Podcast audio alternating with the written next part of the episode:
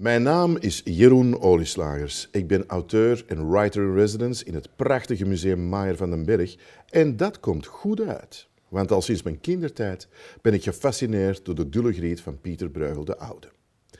Tijdens een avond met de Dulle Griet ging ik met vijf gasten in gesprek voor en over het schilderij en dat was vreed plezant. Maar goed, oordeel zelf. U kunt een avond met de Dulle Griet hier opnieuw beluisteren en ik wens u heel veel plezier. En deze keer is het uh, met Wim Helsen. Uh, dat is mijn eigen broer die de verkeerde deur pakt. en daar staat een stoel. Um, het is typisch, runs in the family. Um, en dus, we kijken naar dat schilderij. Die, dat schilderij, voor zover dat we het enigszins kunnen inschatten, is gemaakt in opdracht. En zou wel eens een soort van conversation piece kunnen zijn. Wat dus wil zeggen dat die opdrachtgever een gesprek heeft met Pieter Bruegel en zegt van ik heb dat moet een fascinerend gesprek zijn geweest sowieso, hè? maar wat daar eigenlijk mee gebeurt, en dat weten we bijvoorbeeld heel goed van een andere opdrachtgever van uh, Pieter Bruegel, Nicolas Jongeling, die de seizoenen heeft besteld en ook de toren van Babel. Wat er dus eigenlijk gebeurt, is zo'n rijke, puissant rijke handelaar bestelt een schilderij bij een bekende schilder. Dat schilderij wordt uiteindelijk afgeleverd. En wat doet zo'n handelaar? Die nodigt mensen uit voor een diner, rijkelijk overgoten met drank, ongetwijfeld. Er werd heel veel gedronken in die periode. En na het eten en de drank en zo verder werd er naar het schilderij gekeken. In feite zijn we dat, dit dus nu al uren aan het doen. Dus we zijn naar dat schilderij aan het kijken. En wat we hier doen voor u, is het eigenlijk een interactieve voorstelling. Dat wil niet zeggen dat u nu plotseling iets moet doen of zo, maar het is sowieso nu al aan het gebeuren, gebeuren in uw hoofd. Hè. Ik word altijd zelf heel zenuwachtig als iemand zegt het is een interactieve voorstelling. Dan heb ik het gevoel dat ik iets moet doen. En dan wil ik zo snel mogelijk terug naar buiten. Maar eigenlijk is het gewoon in uw hoofd. Dus we zijn aan het kijken en we gaan babbelen. Um, Wim heeft denk ik bijna alle gesprekken gevolgd. Ja, um, drie van de vier. Drie van de vier. En uh, wat interessant is natuurlijk, want dan heb je dat ook allemaal gehoord en, en kunnen we gewoon aan een gesprek beginnen en als hekkensluiter. Dus zullen we er eens aan beginnen? Akkoord. Ja. Oké, okay, Wim, gewoon eerst vooraleer dat we echt beginnen over de Dulle Griet of over het schilderij of het moment nu. Um, is dit de eerste keer dat, dat je het schilderij ziet? Ja. Ja. ja. Maar, enfin, in, in Techt. Hè. In ik heb al wel uh, reproducties gezien en uh, ja. ik ken het van Susken en Wisken. Maar het is de eerste keer dat ik het in Techt zie. Hè. Ja, ja, ja. Dus de allereerste keer. Dus je hebt het nooit gezien voor de restauratie? Nee. Oké. Okay. Alright. Ik heb wel gehoord wat uh, het effect is geweest van de restauratie, dat de kleuren veel feller uitkomen, dat, dat, dat, er veel meer leven en diepte in zit. Dus dat geloof ik dan. Hè. Ja. ja, als ik het moet vergelijken, ik, ik doe het af en toe wel eens om mensen een gevoel te geven, want dat is wel heel vreemd als je... Je wordt die kleuren heel snel... Je wordt het gewoon. Hè. Je denkt dat het altijd zo geweest is. Maar ik kan me nog vrij goed herinneren hoe het er ervoor uitzag. En eigenlijk, dames en heren, ik weet niet, waarschijnlijk sommigen van u hebben het natuurlijk ook al wel gezien voor de restauratie. Maar ik had, als ik daar nu aan terugdenk, leek het of dat schilderij in een frituur heeft gehangen boven de frietpot uh, een paar eeuwen lang. Met een frituurist die niet al te hygiënisch was. dus, en wat er gebeurt is dat vooral ja, dat schilderij voor de restauratie, um, uh, in mijn herinnering nu weer, hè, veel vlakker, veel bruiner en inderdaad veel minder contrasterende kleuren. Dat, dat, ja. dat moet ik er denk ik bij zeggen. Contrasterende kleuren. Um, ik heb een computersimulatie gezien van het schilderij. Dat was bij de voorstelling van de restauratie. Een computersimulatie van het schilderij, waarbij dat dus Breugel-experts en, en, mensen die restaureren, van dachten van het moet er zo ongeveer hebben uitgezien, maar dat doen we dus niet. Dus dat was heel heftig qua kleur. Zo heftig dat ik denk dat ongeveer iedereen in deze zaal schande zou hebben gesproken over de obsceniteit van de... Dan zou het waarschijnlijk als kitsch hebben beschouwd. Ah. Dus met het contrast met ervoor bedoel ik. Hè? Ja. Dus, dus er bestaat iets als schroom bij het restaureren. Ja. Dan heb ik in het allereerste gesprek met Annemie, het, eh, ma- ehm, eh, Annemie van Kerkhoven het even over gehad, over de schroom van de restaurateur. Ja, ik heb ook al ge- gepraat vandaag met mensen die mij zeiden dat ook eh, restauratietechnieken evolueren met de tijd en de visie van restaurateurs ook verandert met de tijd. Dus Ah ja. als het 100 jaar geleden was gerestaureerd geweest, had het, eh, was het, had het er waarschijnlijk nog anders uitgezien. Maar enfin, los daarvan blijft het wel iets, eh, een schilderij dat vol beweging, leven en verbeelding zit en dat sowieso eh, fascineert, denk ik. Dat is voor mij het geval en ik ga ervan uit dat dat voor de meeste mensen zo is. ja En je, je hebt het nu over beweging. Gaat Ja. daar eens verder op in? Want, ja, oké. Beweging. Je bedoelt het gewemel van die vrouwen?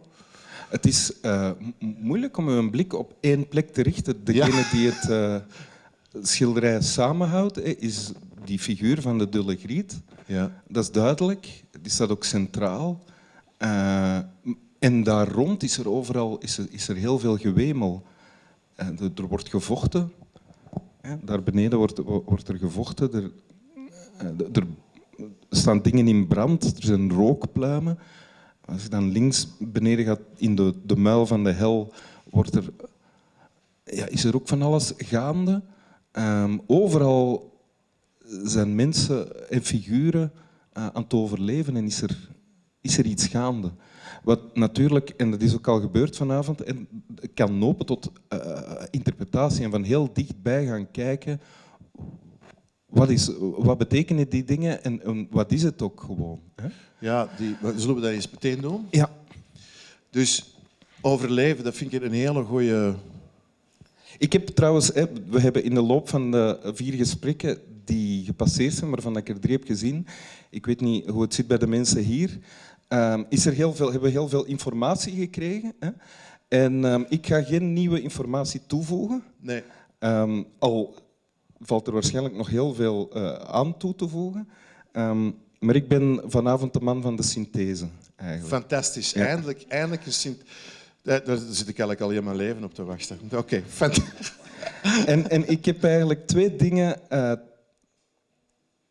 twee uitgangspunten waar- waarmee ik eh, ben gaan kijken, of twee manieren van kijken hiernaar die, die ik dan samenbreng. Het eerste is eh, de tijd en, waarin dit geschilderd is en de figuur die het schilderde, eh, Breugel in de 16e eeuw. Ja.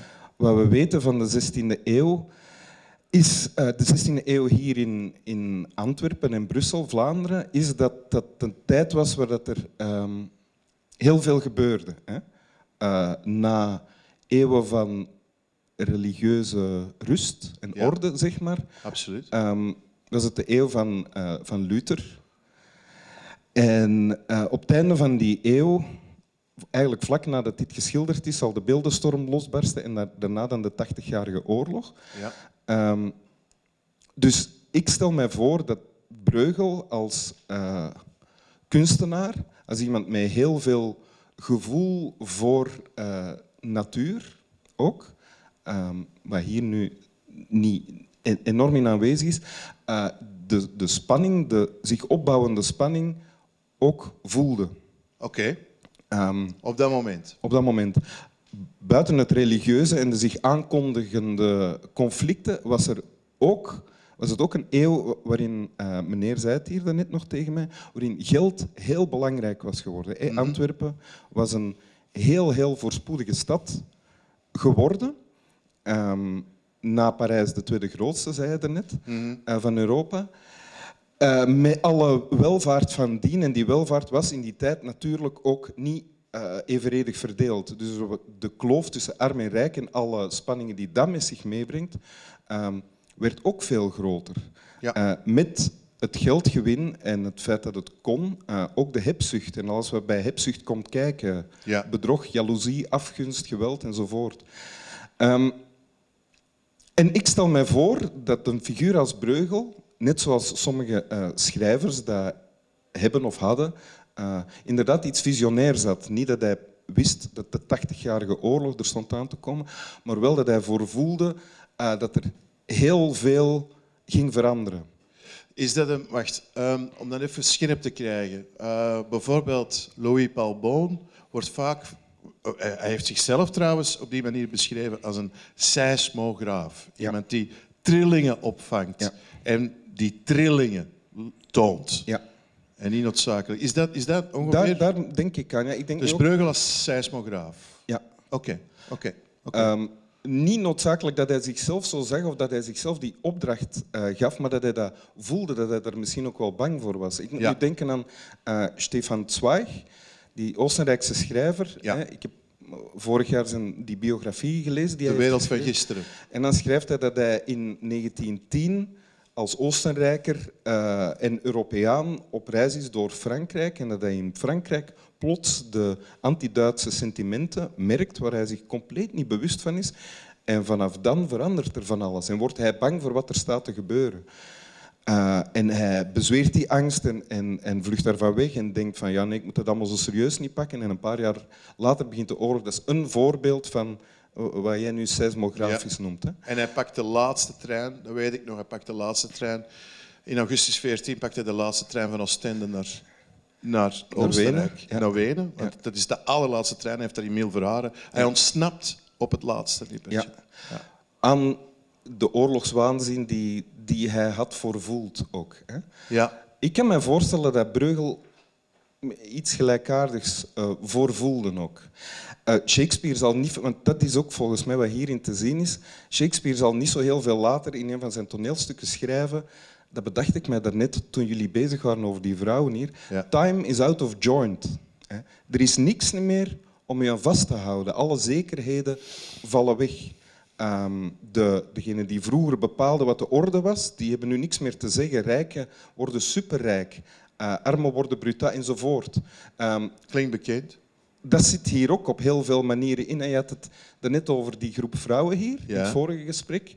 Uh, en het is moeilijk, uh, moeilijk om te bepalen wat, die precies, wat er hier precies gebeurt. Is, of, of dat dat ene groep is, hè? Ja, bijvoorbeeld. Ja. Of die samen iets aan het doen zijn. Visueel is het één groep. Ja. Maar als je kijkt naar de verschillende handelingen, wordt het heel moeilijk. Ja. Want, dus, want hier uit het gat van dit figuur, die, die schept... Uh, dat kan je vandaar niet zien, maar van hier wel, uh, munten uit zijn gat. Ja. Die vallen. Hier is een mevrouw die dat probeert op te vangen. Hier is gewoel, dus het zou kunnen dat hier gevochten wordt om dat geld. Om het geld. Ja. Uh, en dat die belaagd worden tegelijkertijd. Oh, maar het is ook niet duidelijk of dit een leger is dat die vrouwen belaagt of dat die vrouwen uh, of, of, zich net terugtrekt. Tegelijkertijd, merkte jij er net op, en zijn deze vrouwen met hun witte kappen, dus getrouwde vrouwen, mm. zijn aan het vechten met Satans. Ze zijn Satans aan het. Dat, dat lijkt, of dat kan je interpreteren als uh, deugd. Ze zijn zo mm.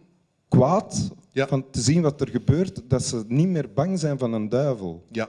Um, maar dat kan je ook andersom interpreteren. Je kan zeggen, die vrouwen zijn zo verdorven, of zeggen van alles is zo naar de, naar de bouletten, dat we niet meer bang zijn van een duivel. Right. Um, dus dat kan ook. Hè. En dan is het de figuur van, van die Dulle Griet zelf. Um, ik heb geleerd vanavond dat die dus... dus uh, de naam Dulle Griet is niet door Breugel aan haar gegeven. Die is 40 jaar...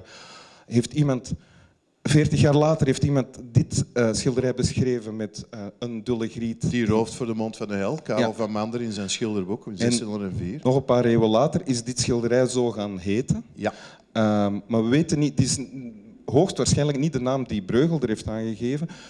En het is ook niet zo duidelijk of dit een griet is of dit een vrouw is. Hè? Want ze heeft een adamsappel, ziet er ja. eigenlijk ook helemaal niet vrouwelijk uit. Ze draagt wel een rok, uh, maar ze heeft ook een harnas om. Als het een vrouw is, is het een gestolen harnas. Want vrouwen droegen geen harnassen. Is het een man, dan is het zijn harnas misschien. Het kan ook gestolen zijn. Maar dus zelfs hierin en in hoe wij hier nu over praten, en misschien was dat toen ook al het geval, dat weet ik niet, uh, is ook al niet meer duidelijk, is dat een man of een vrouw? Als het een man is, waarom draagt hij dan een vrouwenrok? Als het een vrouw is, waarom heeft hij dan een ademsappel? Mm -hmm. um, Enfin, dus opnieuw, hè, eh, time is out of joint, er is geen houvast meer. Ah, oké. Geassocieerd dat met die figuur. Omdat, je, omdat, je niet, omdat het heel moeilijk is, ze- eigenlijk zelfs onmogelijk, om te zeggen van zij of hij is dit of dat. Ja. Time is out of joint. Ja. Het is de labiliteit van de samenleving Ja. op dat moment. Ja. Van de samenleving en ook van hoe die vrouwen zich gedragen. Hè? Ja, oké. oké. Degenen die ten oorlog trekken, dat zijn mannen, dat zijn geen vrouwen in de, in de 16e eeuw. B- bijvoorbeeld, maar zo zit het, het zit vol met dat soort dingen. Hè. Daarnet had eh, Tine had het, had het over die, die, die vogels hier, die spreeuwen, die bovenop het spreeuwenluik zitten. Ja, Eh, en dus het, het luik uitlachen eigenlijk, Ja. die het omgekeerde doen van wat die vogels normaal gezien zouden moeten doen. ja, Eh, en die zo niet gevangen kunnen worden. Ja. We hebben dan de muil van de hel, met, eh, de hel die een angstig oog, lijkt het mij, kijk naar wat er hier gebeurt. Figuren hier die dat luik ophalen. Ehm, wat zou kunnen suggereren van het is hier, dit figuur, en de blikken van die figuren hier zijn allemaal gericht op de Dulle Griet. Ik vind trouwens dat de, de blik van de hel eigenlijk heel gelijkaardig is, of heel verwant met die van de Dulle Griet zelf. Door dit zelf. In een soort ja, verschrikte trance eigenlijk eh, voor zich uit. Kijkt een nieuwe vijand tegemoet. Ehm, enfin, dus dat is één deel van, van wat ik dacht te zien. ja, ja. Eh, een ander ding is van, oké, ik denk dat iedereen met alle interpretaties het erover eens is dat wat hier wordt afgebeeld, dat dat chaos is. Hè? Hm. En dat het niet eh, prettig toeven is in dit schilderij. Er wordt eh, gevochten, er is geweld, er wordt gefolterd. Eh, iedereen is aan het overleven of aan het vechten voor iets dat hij of zij denkt nodig te hebben om te overleven. En alle andere figuren, heel veel figuren, zijn vijanden van elkaar. Ja. In, in heel eh, dat tafereel is er één centraal figuur. Eén figuur dat bij al die chaos en al dat geweld, eh, dat daarin gedijt. We kunnen niet zeggen van, van eh, de Dolly dat, dat, dat die geluk uitstraalt, Nee, of, nee. rust of vrede of iets liefdevols. Verbijstering, angst, eh, van alles en nog wat. Maar het is wel iemand die, zij, zij, heeft, zij of hij heeft wel eh, in alle geval haar voordeel, op, op materieel gebied, haar voordeel gedaan bij die chaos. En trekt verder het zwaard eh, voor zich uit om een volgend gevecht aan te gaan. Ze trekt uit het schilderij. Dus dit is iemand die een extreme overlever in, dit soort, in die soort chaos. Oké.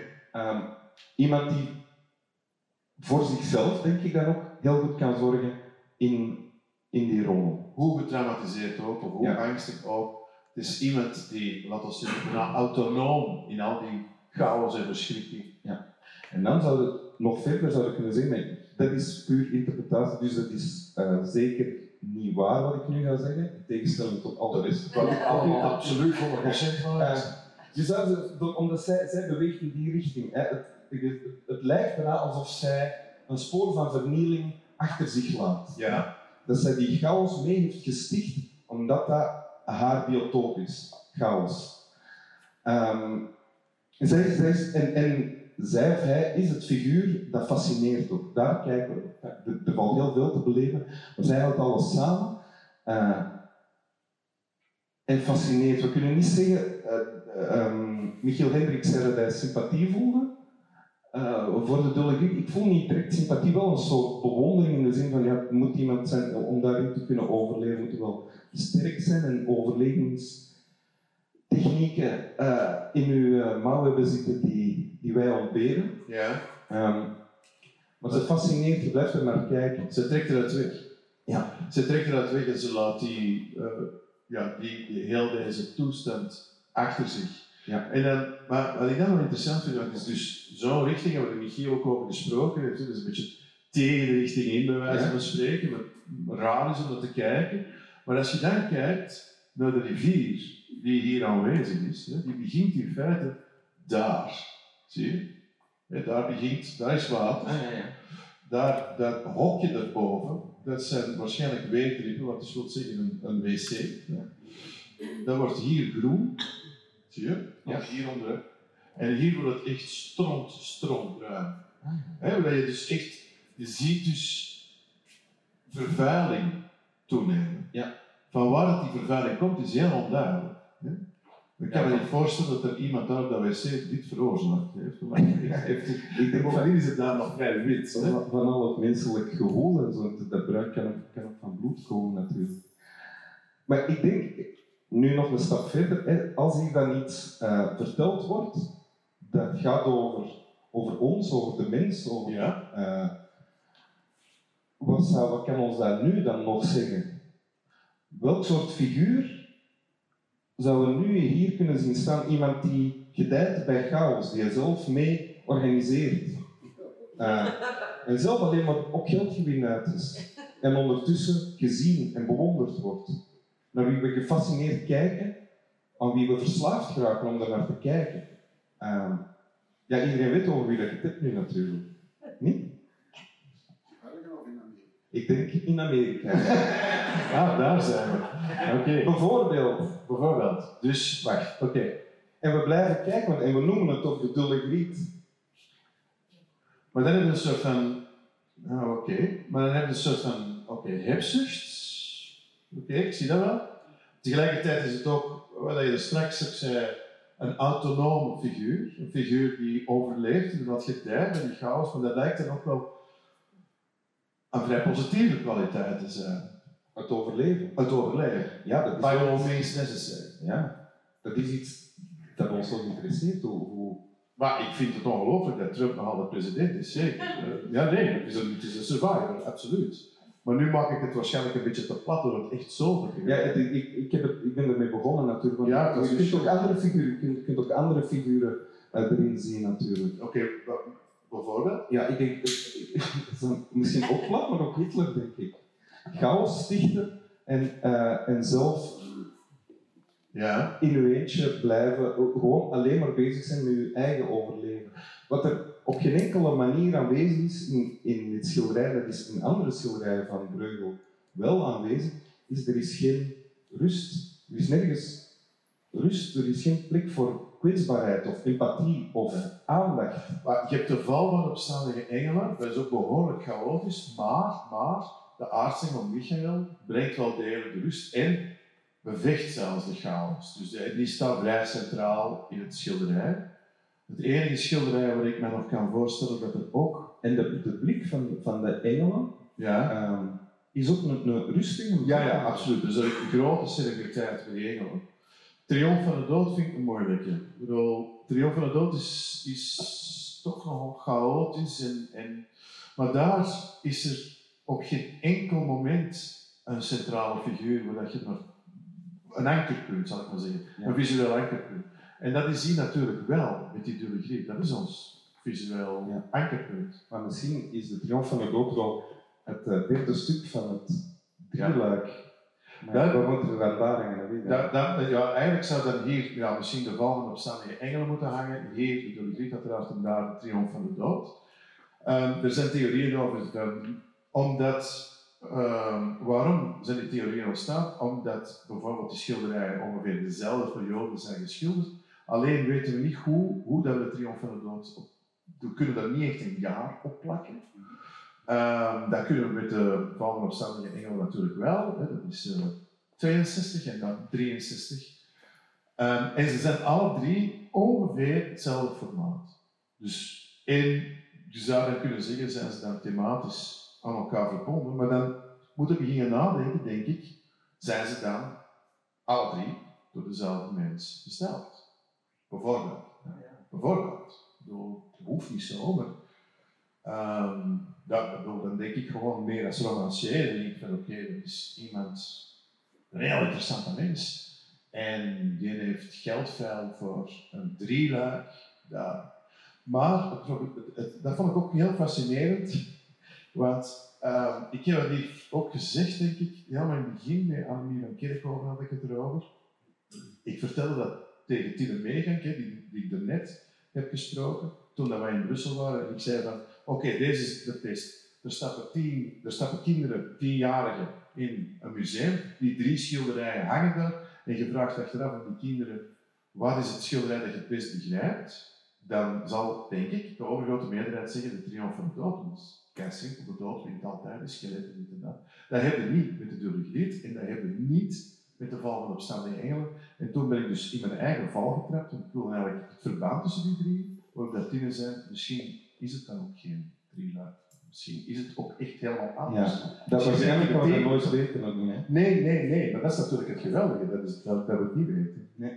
Ik denk trouwens ook, de apen hier, hè, de apen die zitten te drinken, Ja. die zitten in een soort versterkt gebouw. Hier bovenin zit nog iemand met een, eh, met een kruisboog, ja.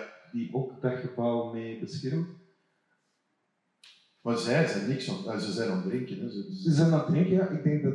Ik kan daar nu, als het gaat over nu, eh, dan, dan is dat degene die eh, domweg, die, die eh, al wat is, domweg naar zich, naast zich neerlegt. Ik zeg domweg omdat apen dom zijn, hè? Of, dat, of, dat, we die dom noemen, per se. Ja? En op zijn Playstation gaan spelen of een beetje gaan zitten tv kijken of op, op social media gaan zitten kutten. Ja. Ja, ja. dus dit, dit is denk ik onverschilligheid. Onverschilligheid ingebunkerd ergens op een veilige plek. Dat, dat, datzelfde gevoel heb ik ook, maar dan moet ik altijd weer terugdenken aan dat schilderijtje dat Breugel heeft gemaakt van die twee aapjes. Ja. Dat is zo, een van die twee aapjes kijkt rechtstreeks eigenlijk naar ons, die zijn geketend.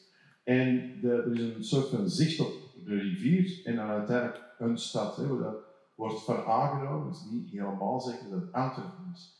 Bij dat schilderij ehm, in Wenen stond ik ervoor en nu, wat blijkt, Manfred Zellig, die een van de curatoren is van, het, van die tentoonstelling in Wenen, vertelde mij van ja, dat is mijn absoluut favoriete schilderij. En ik vroeg hem waarom. En hij zei vanwege de, eh, wat was het woord nu dat hij gebruikte? Eh, eerlijkheid geloof ik of zoiets. Ik kon dat helemaal niet, ik snapte daar helemaal niks van.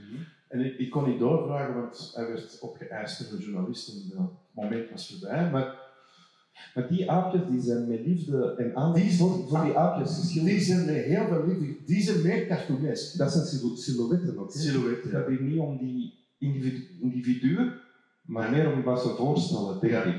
Er is natuurlijk nog, daar heb je bijvoorbeeld ook een soort van aapachtige figuur er aan die harp, zie je, met die, met die spin die, er, die probeert om op die Ah, harp ja. te kruipen. Ehm, ik weet niet of er nog apen zijn. Ehm, ik weet niet of er nog apen zijn. Er zijn amfibie-achtige figuren, veel. Leuk. Die aapjes, ik denk nu ook, denk niet dat Breugel daar eh, letterlijk gaat refereren aan wat ik nu ga zeggen, maar eh, als, het, als het klopt hè, dat Breugel dit wou schilderen, omdat hij voorvoelde eh, dat er iets ergs Onder de is. Ja. ja. Ehm, dan is het desondanks, hè, waarom doe je dat dan? Je doet dat om, om iets te bezweren, ook, om een angstvisioen helemaal, dat beeld je helemaal uit, en dan bezweer, bezweer je het, want het ligt vast. En in, daarin eh, zit dan zoveel spel en verbeelding, dat het ook uitstraalt dat het met enorm veel plezier geschilderd is. Wauw. Hè? Dat ben ik, ja, dat, daar heb ik nog niet over nagedacht. ik heb nog niet nagedacht over plezier. Eh, Wauw, oké. Plezier. nee, maar nee, dat, het, is, het is gewoon een andere filter die je er dan op zet. Het, sp- eh, je bedoelt het spat er vanaf. Het, het, het, maar je voelt natuurlijk een grote creatieve kracht. hè, dat, dat, Ja. wat, je zeker kunt verbinden met lol. Ja. Gewoon goesting. Ik, ik stel mij voor, hè, dat, dat, dat- ik heb, misschien kan het wel zo zijn dat als het een eh, conversatiestuk was, hè, Ja. dat eh Bruegel zelf eh, graag wou dat mensen hierover zouden zeggen van zie, zie, in wat voor tijd dat we leven of zie wat er staat te gebeuren.